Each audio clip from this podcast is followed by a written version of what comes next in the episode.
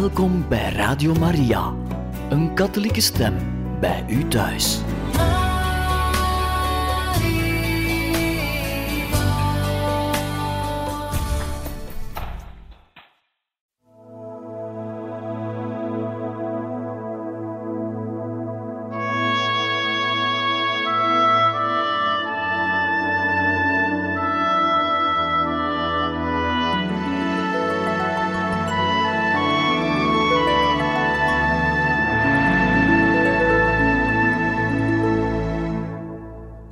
Beste luisteraars van Radio Maria, welkom in het programma Heiligen Getuigen, waarin we u verder zullen voorlezen uit het boek We worden geboren om nooit meer te sterven, het verhaal van Chiara Corbella Petrillo. We zijn ondertussen gekomen aan hoofdstuk 6 met de titel De genade om in genade te leven. En we zijn in de Goede Week van 2012 in april waar Chiara de definitieve uitslag heeft gekregen van haar onderzoeken, namelijk dat zij dus terminaal ziek is en dus niet meer kan genezen.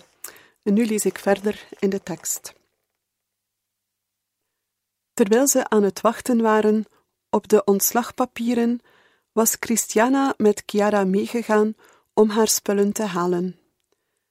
Daarna begon Chiara afscheid te nemen van haar kamergenoten. Om hen geen verdriet te doen, legde ze niets uit. Lachend zei ze alleen maar: Denk eraan, blijf verder bidden zoals we het de voorbije nachten deden, en vergeet niet dat we hier zijn om de anderen beter te maken. De verpleester keek verbaasd toe en ze vroeg: Wat doen ze s'nachts? Ondanks alles had ze Christiana toevertrouwd dat afscheid nemen haar heel veel moeite kostte. Daarna deed Chiara een rondje bij de verpleegsters en de artsen.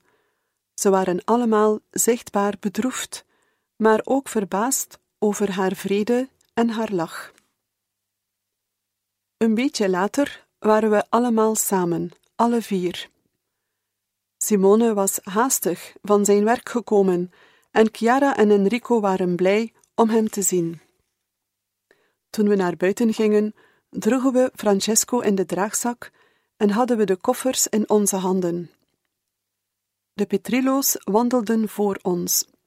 Ze hadden elkaar stevig vast, en op hun gezicht was een vreemde vreugde te zien. Toen we afscheid namen, pakte Chiara ons heel stevig vast. We zeiden haar dat we veel van haar hielden. Ze antwoordde ons: Ik hou van jullie, heel veel. We hadden tranen in de ogen. Toen ze in de auto stapte, draaide ze zich niet om om naar ons te kijken. Enrico had ons gevraagd om in de buurt te blijven. Misschien zou er s'avonds een gebedsmoment zijn.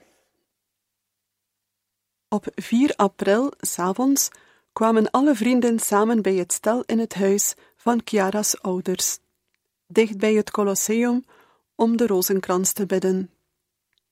Ze was blij om de deur te kunnen opendoen voor hun vrienden, om hen nu ook te kunnen verwelkomen en deze momenten met hen te delen. Toen iedereen binnenkwam, stonden de stoelen al in een kring, klaar voor het gebed dat inmiddels al sinds meer dan een jaar de gebeurtenissen van hun leven vergezelde.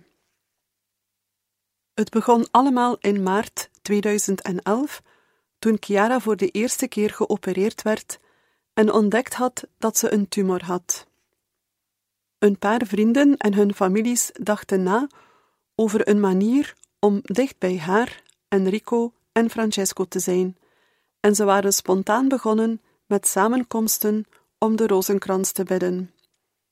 Het was een echte troost voor hen en een eenvoudige en effectieve manier om hen bij te staan. Eén keer per week ontmoetten ze elkaar bij iemand thuis en baden ze samen. In het begin vroegen ze enkel om Chiara's genezing, en na verloop van tijd kwamen er ook andere intenties bij. Chiara en Enrico namen zelf vaak deel, En Chiara bad altijd voor heel concrete intenties. Ze voelde zich vereerd door al die liefde die zij en haar echtgenoot ontvingen. En zelden hoorde je haar iets vragen voor zichzelf. Ze bad voor de kinderen, voor de zieken, voor de mensen in nood die zij kende of niet kende. Chiara's woorden waren woorden van iemand die het gewend was om met vertrouwen tot God en de Maagd Maria te spreken. Ze bedankte eerst en vooral voor de kleine dagelijkse dingen: een ontmoeting, een woord, een rustige nacht, de nabijheid van vrienden. Daarna vroeg ze dingen met de zekerheid van iemand die wist dat ze verhoord zou worden. Chiara en Enrico zongen vreugdevol aan het begin en aan het einde van het gebed. Die avond, de avond van 4 april, zat Chiara in een leunstoel. De lichten waren gedimd om haar niet nog meer last te bezorgen aan haar oog. De volgende ochtend belde Chiara ons op. Ze vroeg of Christiana bij haar kon komen in het huis aan het Colosseum, waar ze een tijdje zouden blijven. Haar zus Elisa kwam terug uit Milaan, waar ze nu woonde, en ze wilde in alle rust met haar praten, dus had ze iemand nodig die voor Francesco zou kunnen zorgen. Toen Christiana arriveerde, was Chiara slaperig en somber.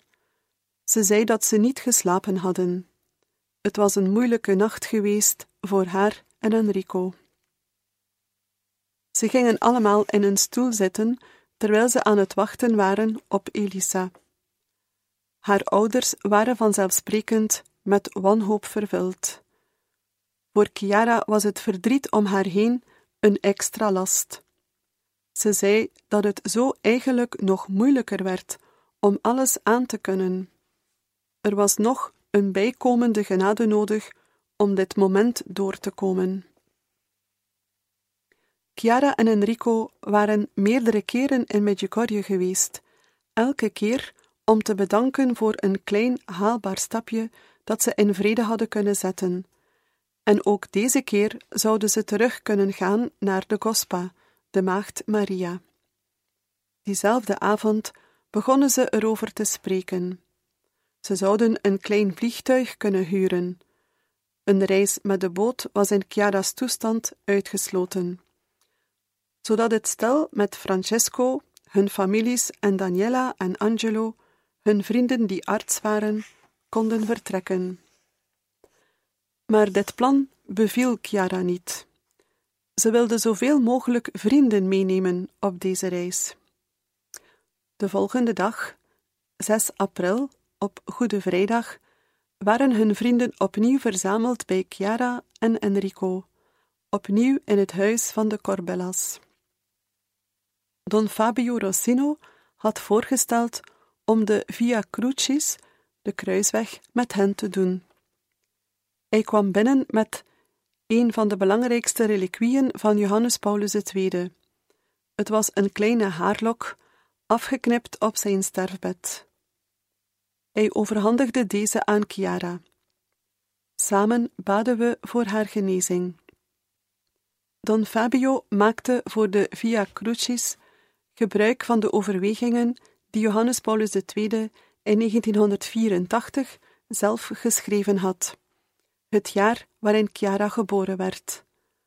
Don Fabio diende ook het sacrament van de ziekenzalving toe. Chiara was ernstig, geconcentreerd en sterk. Ze hield haar ogen gesloten.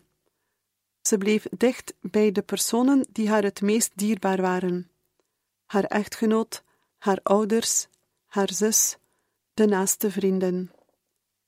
Enrico keek haar verliefder aan dan ooit, met een ongelooflijke tederheid. Het was een heel intens en mooi moment. Enrico was niet boos op God, en Chiara ook niet. Van hem ontvingen ze vrede en steun. God, zei Enrico, laat zich ontmoeten in het vlees dat met spijkers doorboord is, en in een man die aan het kruis hangt. God is de ervaring van een ontmoeting met een man die leeft en verrezen is. We hebben het lijden vaak vergeleken met een dans. Het is God die je uitnodigt om met Hem te dansen. En als je ja zegt, ontdek je dat er naast de pijn ook vrede en vreugde is. In die periode waren Chiara en Enrico aan het dansen met Jezus. Meer dan ooit vroegen ze aan God om elke dag in het nu te mogen leven, om niet gek te worden. Als ze aan het verleden dachten, zou de melancholie hen kapot kunnen maken. Als zij aan de toekomst dachten, zou de angst hen kunnen overvallen, omdat ze niet wisten wat er zou gebeuren. Het verleden leggen we in de handen van de barmhartigheid. Het heden laten we over aan de genade, en de toekomst vertrouwen wij toe aan de voorzienigheid, zei Enrico. Laten we de genade vragen. De Heer luisterde naar dit gebed, en het kruis verpletterde hen niet. Elke ochtend maakte de genade het mogelijk om hun kruis te dragen, om het opnieuw aan te kunnen tot s avonds. Zoals Petrus wandelden ze over het water dat door de wind werd opgestuwd, maar met hun blik vast op Jezus gericht.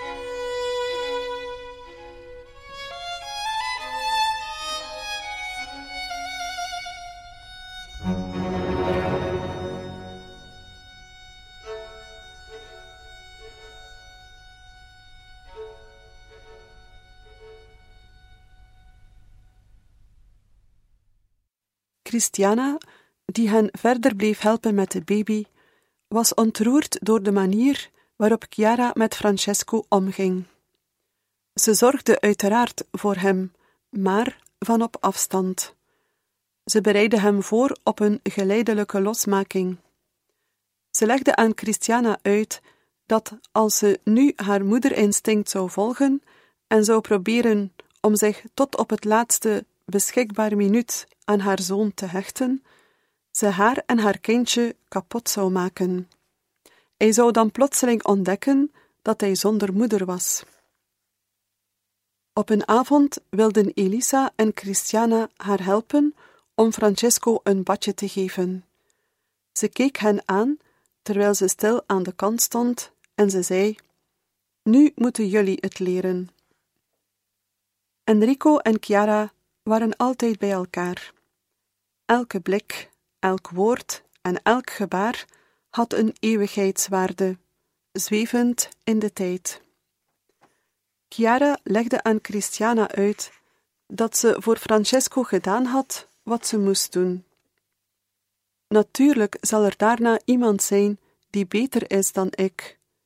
Ik bewonder Enrico. Het doet me echt veel verdriet dat ik nu afscheid van hem moet nemen.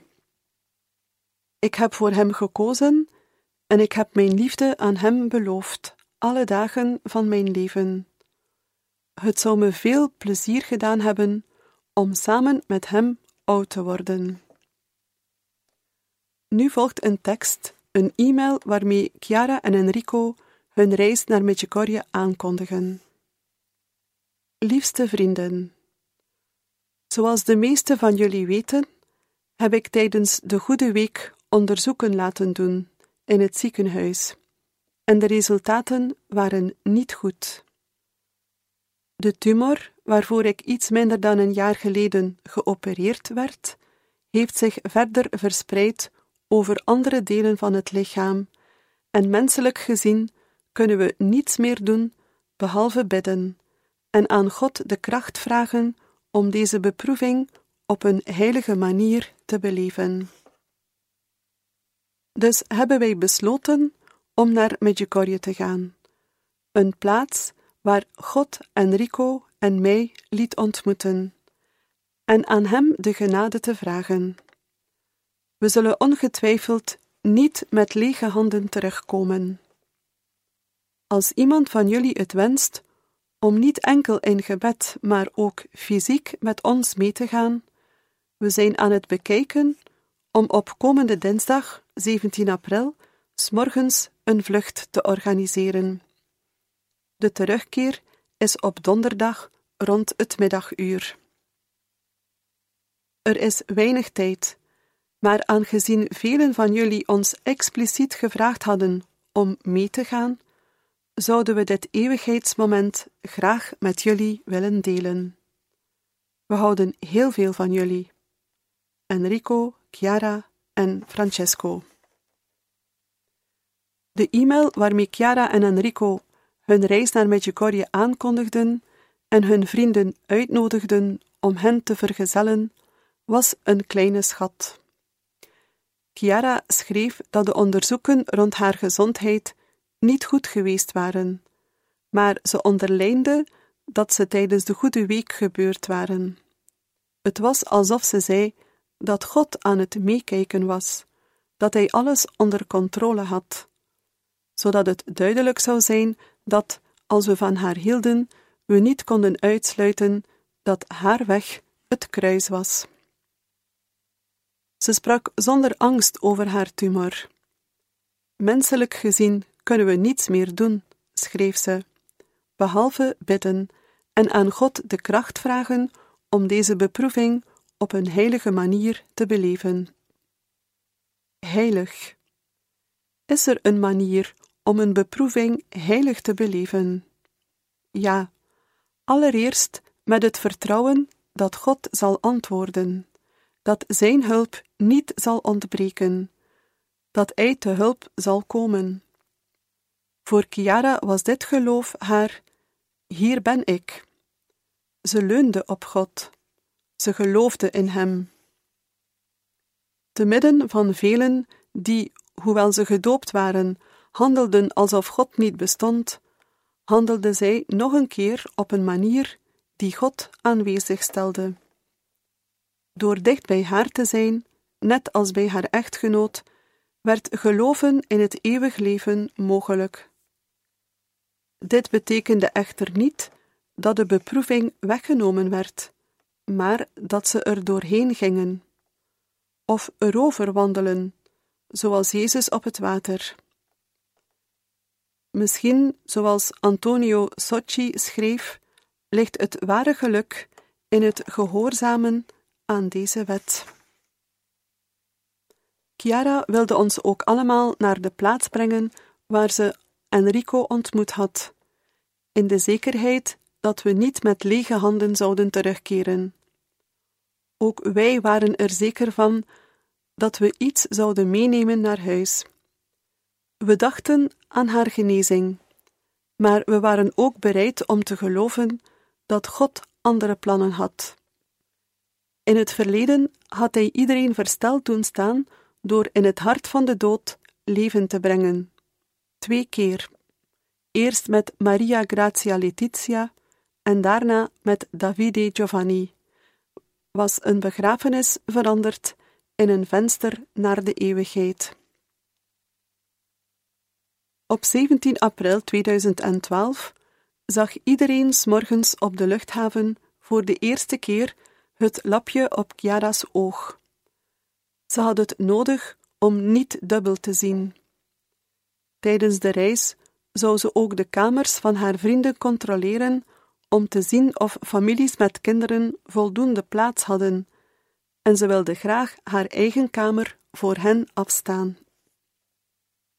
In het begin waren er weinig bedevaartgangers betrokken, maar uiteindelijk waren er meer dan 160 in het vliegtuig. Eigenlijk wilden er echter 300 mensen aansluiten bij dit initiatief. Chiara wilde iedereen meenemen naar Medjugorje, maar ze zou een selectie moeten maken. Het vliegtuig kon slechts plaats bieden aan iets meer dan de helft. Enrico en zij hadden besloten om voorrang te geven aan de families die volledig moesten kunnen meegaan zonder iemand thuis te laten. De reis werd mogelijk gemaakt dankzij de vrijgevigheid van Chiara's familie, maar ook dankzij de artsen, Daniela en Angelo, die haar hadden toegestaan om te vertrekken, ondanks de vele twijfels en zorgen. Chiara vertrok als een echte pelgrim, zonder te weten of ze zou terugkeren. In het ruim van het vliegtuig was er in geval van nood een zuurstoftank, maar ook voor het geval dat ze koste wat het kost de top van de Pot Bordeaux, de verschijningsberg, wilde bereiken. Veel plaatsen in het vliegtuig waren ingenomen door kinderen van alle leeftijden. Aan een paar kinderen die haar vroegen waarom zij een ooglapje droeg, antwoordde Chiara dat ze als piraat verkleed was, waarna ze hen met een grappig gezicht aan het lachen bracht. Het was een feestelijke en vrolijke trip. Niemand leek de vermoeidheid van de reis te voelen, maar je voelde een plechtige, bijna liturgische sfeer. Wat zouden we moeten vragen? Welk wonder? We wisten het niet. We wilden vooral meegaan met Chiara en Enrico, bij hen zijn. We wisten niet wat we zouden zien of doen, en we vroegen het ook niet. We vertrouwden, een rustig wachten in het nu, moment na moment. Wat we wel zeker wisten, was dat het belangrijk was om er te zijn, om de spirituele weg van het gebed te combineren met de fysieke weg van een pelgrimstocht.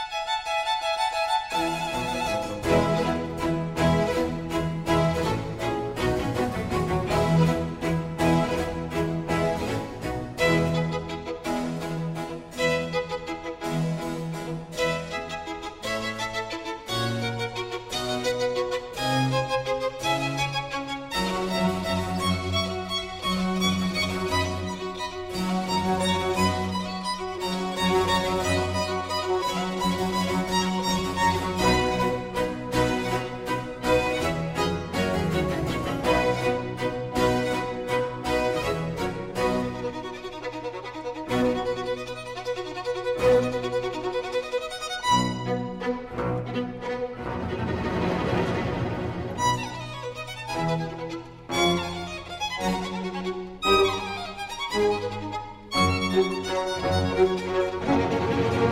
you.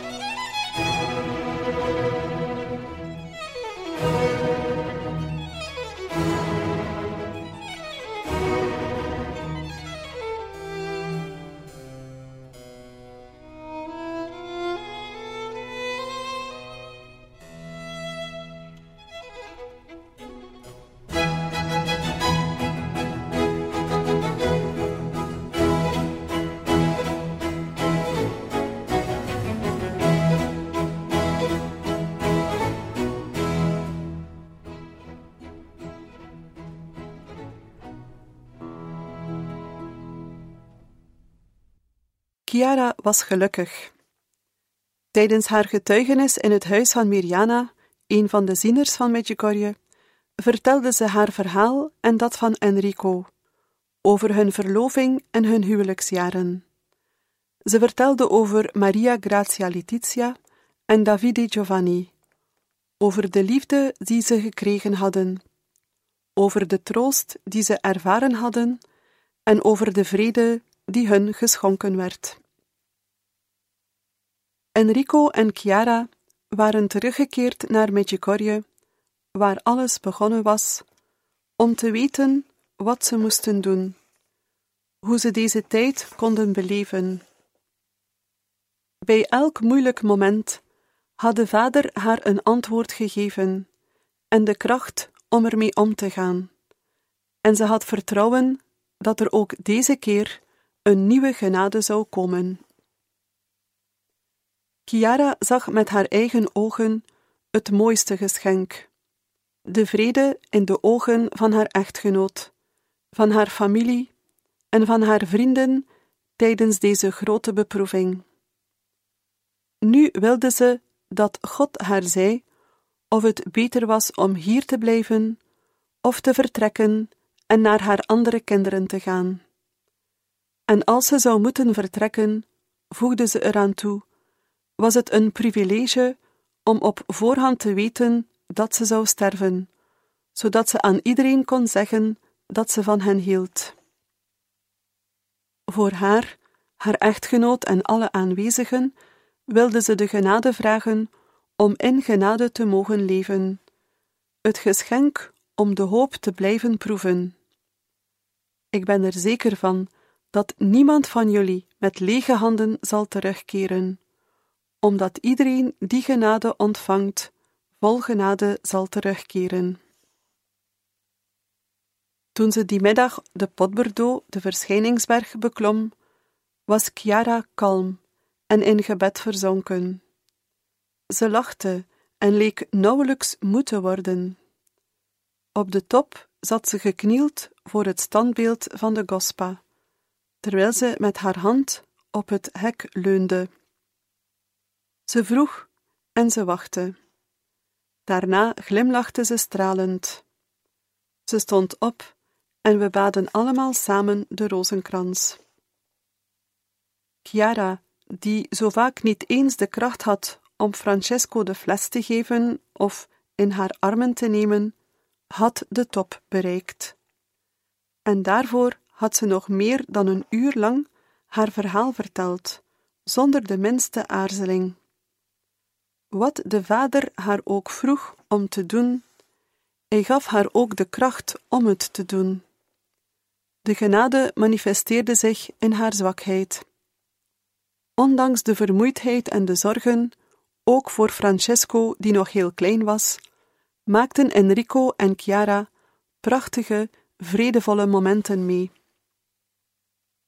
Chiara slaagde er ook in om Ivan te ontmoeten, de ziener van Medjugorje, die de opdracht kreeg om te bidden voor de zieken. Chiara's moeder had deze ontmoeting georganiseerd, waarbij ze zelf ook niet goed wist hoe ze zich aan hem moest voorstellen. Maar haar eenvoud was, zoals gewoonlijk, veroverend. Als je de mogelijkheid zou hebben om onmiddellijk naar onze lieve vrouw te gaan, vroeg Chiara aan Ivan, zou je dan gaan? Ja, antwoordde hij. Dank je wel, antwoordde Chiara daarop, zonder verder nog iets te vragen. De gedachte dat de plaats waar Maria Grazia Letizia en Davide Giovanni al waren, een mooie plek is, waar het nog beter is, was voor haar genoeg. Er was niets meer aan toe te voegen. Op 18 april ontdekten we waarom Chiara er zo op had aangedrongen dat we zouden meegaan naar Medjugorje. Op het einde van de mis die gevierd werd in de kapel van de gemeenschap Chinacolo, waarbij de aanwezigen hun huwelijksbeloften hernieuwden, overhandigden Enrico en Chiara persoonlijk een rozenkrans en een afbeelding van Maria aan alle deelnemers van de pelgrimstocht. Lachend herhaalde zij de woorden van Jezus: Zie daar uw moeder. We waren daar om hun geheim te leren kennen. Kijk eens waarom wij verlangden dat jullie hier zouden zijn. Kijk eens waarom we jullie hierheen hebben gebracht. Om jullie ons geheim te overhandigen, zeiden ze. Ze gaven ons dezelfde hulp die Jezus op het kruis aan de wereld aangeboden had, zijn moeder, de ster om te volgen, diegene naar wie we konden kijken in de storm. Zonder Maria zou niets van wat wij gedaan hebben mogelijk geweest zijn. Het is Maria die ons de waarheid zegt, had Enrico ons even eerder gezegd. Er is geen verleden of toekomst, de enige zekerheid is het huidige moment en het feit dat we zullen sterven. Zij is het model dat ons leert om ons eigen leven op Gods woord te vestigen. Zij was het die Enrico en Chiara volgden. Tegen onze neiging in om gemakkelijker in het slechte te geloven dan in het goede, getuigde Maria van de waarheid dat God een goede vader is die je kunt vertrouwen. Chiara en Enrico deden dit. Ze verwelkomden Maria als een moeder. Ze vertrouwden op haar begrip, haar liefde. En dat heeft gewerkt. Net als Maria zeiden ze ons in Medjugorje: Doe maar wat hij u zeggen zal. Een heiligdom is een plaats die je zegt: Kijk wat er gebeurt met degene die op God vertrouwt. Hoe God zijn leven verandert en hoe hij het leven verandert van de mensen om hem heen. We zijn allemaal geroepen om te doen wat Chiara deed. Ook wij worden met de dood geconfronteerd, en in afwachting daarvan moeten we in het aangezicht van de angst ja zeggen tegen de Vader. We zijn allemaal terminaal zieken. Het is enkel een kwestie van tijd. Chiara is ons gewoon voorgegaan als een moeder. Voor velen werd het op dat moment gemakkelijker om zich over te geven, om zich te laten liefhebben. Deze drie dagen, in feite maar twee, waren voor veel mensen een verblijf op heilige grond, en het vliegtuig een soort beloofde land. Tijdens de vlucht, toen we de grond niet aanraakten, waren we wat we in werkelijkheid zijn: pelgrims naar de hemel. Met aan onze zijde een gids die ons Gods gelaat onthulde. Beste luisteraars van Radio Maria, wij beëindigen hier voor vandaag het voorlezen uit het boek Wij worden geboren om nooit meer te sterven, het verhaal van Chiara Corbella Petrillo. Wij danken u heel hartelijk voor het luisteren en graag tot een volgende keer.